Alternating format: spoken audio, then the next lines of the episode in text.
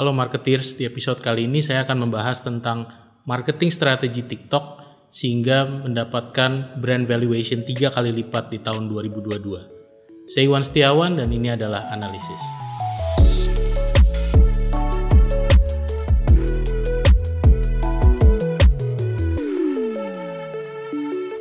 TikTok adalah salah satu brand yang valuasi brandnya meningkat sangat tajam di tahun 2022.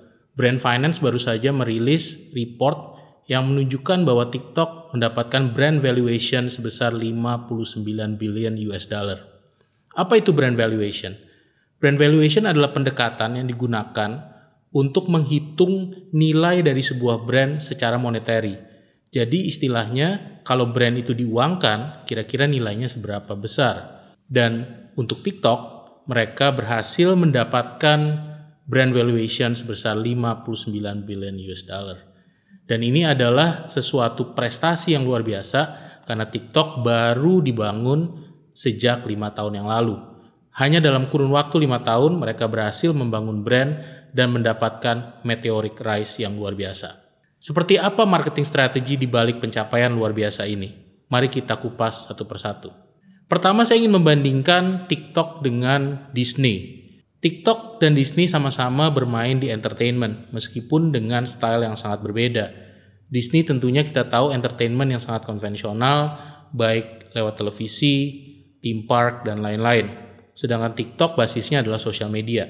Tetapi dalam hasil riset yang dilakukan oleh Brand Finance di tahun 2022, brand valuation mereka kurang lebih berdekatan.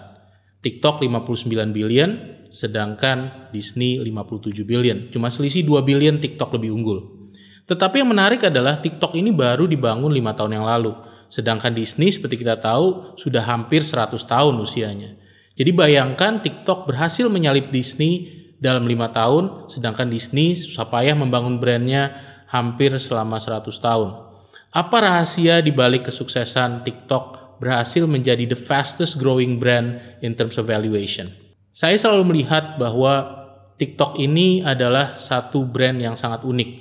Brand ini adalah brand yang berhasil mendapatkan 1 billion user di tahun 2021. Dan tentunya kita tahu sangat mudah untuk mereka mendapatkan 1 billion user karena ada user dari China, ada user dari India yang merupakan negara-negara dan populasi sangat besar dan juga merupakan populasi yang sangat-sangat senang menggunakan sosial media. Dan mereka juga merupakan brand sosial media yang most downloaded baik di Google Play maupun di App Store di tahun 2022 dan 2021. Sehingga ini merupakan satu prestasi yang luar biasa untuk sebuah brand yang relatif masih baru di dunia sosial media dan harus bersaing dengan brand-brand yang sudah lebih established sejak lama seperti Instagram. Ada tiga kesuksesan besar yang ingin saya sampaikan merupakan rahasia di balik kesuksesan TikTok melakukan peningkatan brand valuation yang sangat-sangat tajam. Yang pertama adalah mereka ini adalah new champion of Gen Z segment. Kalau kita ingat dulu sebelum adanya TikTok, Instagram sangat berjaya di segmen anak muda. Saya selalu mengatakan bahwa kita harus mulai melupakan segmen milenial atau Gen Y dan mulai beralih berpikir bahwa segmen youth itu adalah Gen Z saat ini. Dan untuk segmen Gen Z, banyak yang sudah beralih dari berbagai platform yang sebelumnya mereka gunakan menuju TikTok. Dan TikTok sekarang adalah preferred choice untuk Gen Z segmen. Jadi bukan hanya bahwa proporsi dari pengguna TikTok itu sebagian besar Gen Z, tetapi sebagian besar Gen Z di seluruh dunia pasti menggunakan TikTok. Ini adalah satu pencapaian yang luar biasa. Kenapa seperti itu? Ada tiga alasan besar menurut analisa Forrester. Yang pertama adalah adanya entertainment value. TikTok adalah satu-satunya sosial media yang tidak malu-malu bilang bahwa mereka adalah entertainment company. Jadi tidak bermain hanya dalam platform sosial media konektivitas yang secara general, tetapi memang memainkan elemen entertainment yang sangat dominan. Jadi kalau diperhatikan, semua yang ada di TikTok, video-videonya entah fun atau funny. Itu adalah satu hal yang sangat menarik dan unik hanya ada di TikTok. Selain itu TikTok juga merupakan salah satu pioneer dari short form content. Saya selalu mengatakan bahwa short form content adalah format yang paling ideal untuk masa kini. Karena adanya short attention span yang dimiliki oleh Gen Z generation, ini yang membuat video-video yang bentuknya lebih pendek cenderung lebih appealing buat segmen ini.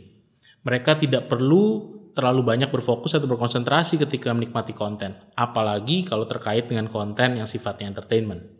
Selain itu, TikTok juga mengenable segmen muda untuk berekspresi secara positif. Mereka bisa menunjukkan ekspresi mereka secara lebih bebas tidak perlu jaim, tidak perlu menutupi dengan berbagai filter dan lain-lain. Mereka fokus hanya pada menampilkan siapa mereka, apa yang mereka bisa lakukan, apa yang kira-kira mereka ingin tunjukkan kepada dunia. Ini semua adalah tiga karakteristik utama ketika kita bermain sosial media di TikTok. Dan inilah alasan kenapa TikTok merupakan salah satu favorit untuk segmen Gen Z. Yang kedua adalah yang disebut TikTok sebagai shoppertainment. Shoppertainment adalah ketika entertainment digabungkan dengan commerce. Banyak yang tahu bahwa TikTok ini adalah platform yang merupakan pioneer di live stream commerce. Artinya orang bisa melakukan live streaming, kemudian berjualan produk dan konsumen yang melihat live streaming tersebut bisa langsung membeli secara instan produk tersebut ketika menik mereka menikmati kontennya. Sehingga ini merupakan gabungan atau hybrid antara entertainment dengan e-commerce. Dan semua dilakukan dalam satu customer journey yang menyatu secara integrated. Inilah keunggulan dari TikTok. Sehingga mereka mendapatkan bisnis model baru di luar bisnis model yang sudah banyak digunakan oleh sosial media yang lain. Sosial media yang lain tentunya mengandalkan banyak sekali bisnisnya dari advertising. Tetapi TikTok selain dari advertising juga bisa mengandalkan commission dari penjualan yang terjadi di live streaming. Dengan adanya hybrid antara entertainment dan commerce, maka konsumen bisa melakukan discovery dan action sekaligus. Ketika mereka ingin menemukan produk-produk apa yang lagi trending, produk-produk yang sebelumnya mereka tidak tahu eksis, mereka bisa menemukannya di TikTok, ada discovery di sana. Tapi ketika mereka menyukai, ada rasa ketertarikan, mereka bisa langsung membeli saat itu juga secara impulsif. Inilah discovery ketika dikombin dengan action di platform yang sama tanpa perlu pindah ke platform lain. Inilah shoppertainment gaya TikTok. Yang ketiga adalah adanya customer pet yang digaungkan oleh TikTok merupakan customer pet yang sifatnya sustainable. Kalau kita lihat biasanya customer pet itu bentuknya funnel atau linear dan serial. Artinya ketika orang tahu, kemudian mereka menyukai, kemudian mereka membeli, itu sifatnya semuanya serial. Dan tidak ada feedback loop untuk kembali ke awal. Apa yang dimaksud dengan feedback loop? Artinya ketika kita berhasil menjual sebuah produk, kita berharap bahwa yang membeli produk tersebut menjadi advocate dari produk kita. Inilah yang saya sebut sebagai customer path 5A. Kita tidak hanya membuild customer journey dari awareness sampai dengan action, tetapi sampai advocacy. Sehingga ada feedback loop kembali ke awareness. Ketika customer yang melakukan action pembelian happy dengan pembelian mereka, maka mereka akan menjadi advocate kita dan kemudian membuild awareness on behalf of the brand sehingga kita bisa mendapatkan satu hasil yang lebih sustainable. Di TikTok ini disebut sebagai infinite loop. Artinya ketika mulai dari discovery, consideration, purchase sampai dengan review dan participation itu semua melingkar kembali ke awal dan seterusnya seperti itu. Membuat sebuah cycle yang sangat positif membangun brand secara continuous tanpa henti. Semakin banyak komunitas yang kita bangun, maka semakin besar brand value kita di mata pelanggan kita. Inilah yang disebut sebagai the infinite loop. Apa yang bisa kita pelajari dari tiga rahasia sukses marketing strategik TikTok tadi?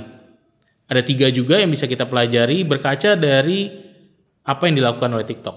Yang pertama adalah Berbicara tentang brand valuation, kita tidak berbicara tentang kesuksesan kita di masa lalu. Kita tidak berbicara prestasi kita di tahun-tahun sebelumnya. Kita berbicara apa yang ingin kita capai dengan brand kita di masa depan. Apakah brandnya cukup kuat atau tidak untuk menjangkau segmen masa depan? Sehingga pelajaran pertama adalah fokus pada segmen target market masa depan. Siapa pelanggan masa depan kita dalam 5, 10, 15 tahun ke depan? Mulai pikirkan dari sekarang dan mulai bangun brand Anda di target market masa depan tersebut. Yang kedua adalah bisnis model itu tidak selalu statis, selalu dinamis. Bisnis model yang biasanya kita gunakan untuk mendapatkan revenue di masa lalu mungkin tidak akan berhasil di masa depan. Brand yang punya brand valuation tinggi adalah brand yang memiliki potensi untuk mengenerate revenue sangat tinggi di masa depan. Sehingga kita mulai harus berpikir tentang future business model. Ini terkait dengan pelajaran yang pertama. Kalau kita memiliki segmen baru, kira-kira bagaimana kita memonetisasi segmen baru tersebut? Temukan bisnis model baru yang bisa kita gunakan untuk memonetisasi segmen baru yang kita tuju di masa depan. Pelajaran ketiga yang terakhir adalah supaya aktivitas pemasaran kita tidak hanya efektif sekali-sekali saja, Artinya ketika kita melakukan campaign, kita mendapatkan hasil dan seterusnya seperti itu, kita selalu melakukan campaign dengan objektif tertentu dan mencapai objektif tersebut kita sudah puas. Yang harus dilakukan adalah membentuk infinite loop bahwa kita melakukan campaign itu untuk continuous improvement. Bahwa brand kita itu harus bisa menciptakan loyal advocate sehingga ada feedback loop yang bisa membangun brand kita dari awal lagi. Kita selalu terus-menerus membangun brand kita dengan memupuk terus jumlah orang yang loyal terhadap brand kita. Sehingga kita menciptakan sebuah komunitas yang memang loyal dan akan selalu menjadi recommender dari produk kita. Inilah pelajaran ketiga yang bisa kita pelajari dari TikTok. Demikian marketing strategi TikTok sehingga mereka bisa mencapai brand valuation tiga kali lipat di tahun 2022. Semoga bisa menjadi inspirasi buat Anda semua untuk meningkatkan brand valuation Anda. Sampai jumpa di episode berikutnya. Apabila Anda belajar banyak dari analisis, tolong subscribe, like, dan share konten yang kami create ini. Dan apabila ada pertanyaan yang ingin saya bahas di analisis, silakan tanyakan di kolom komentar.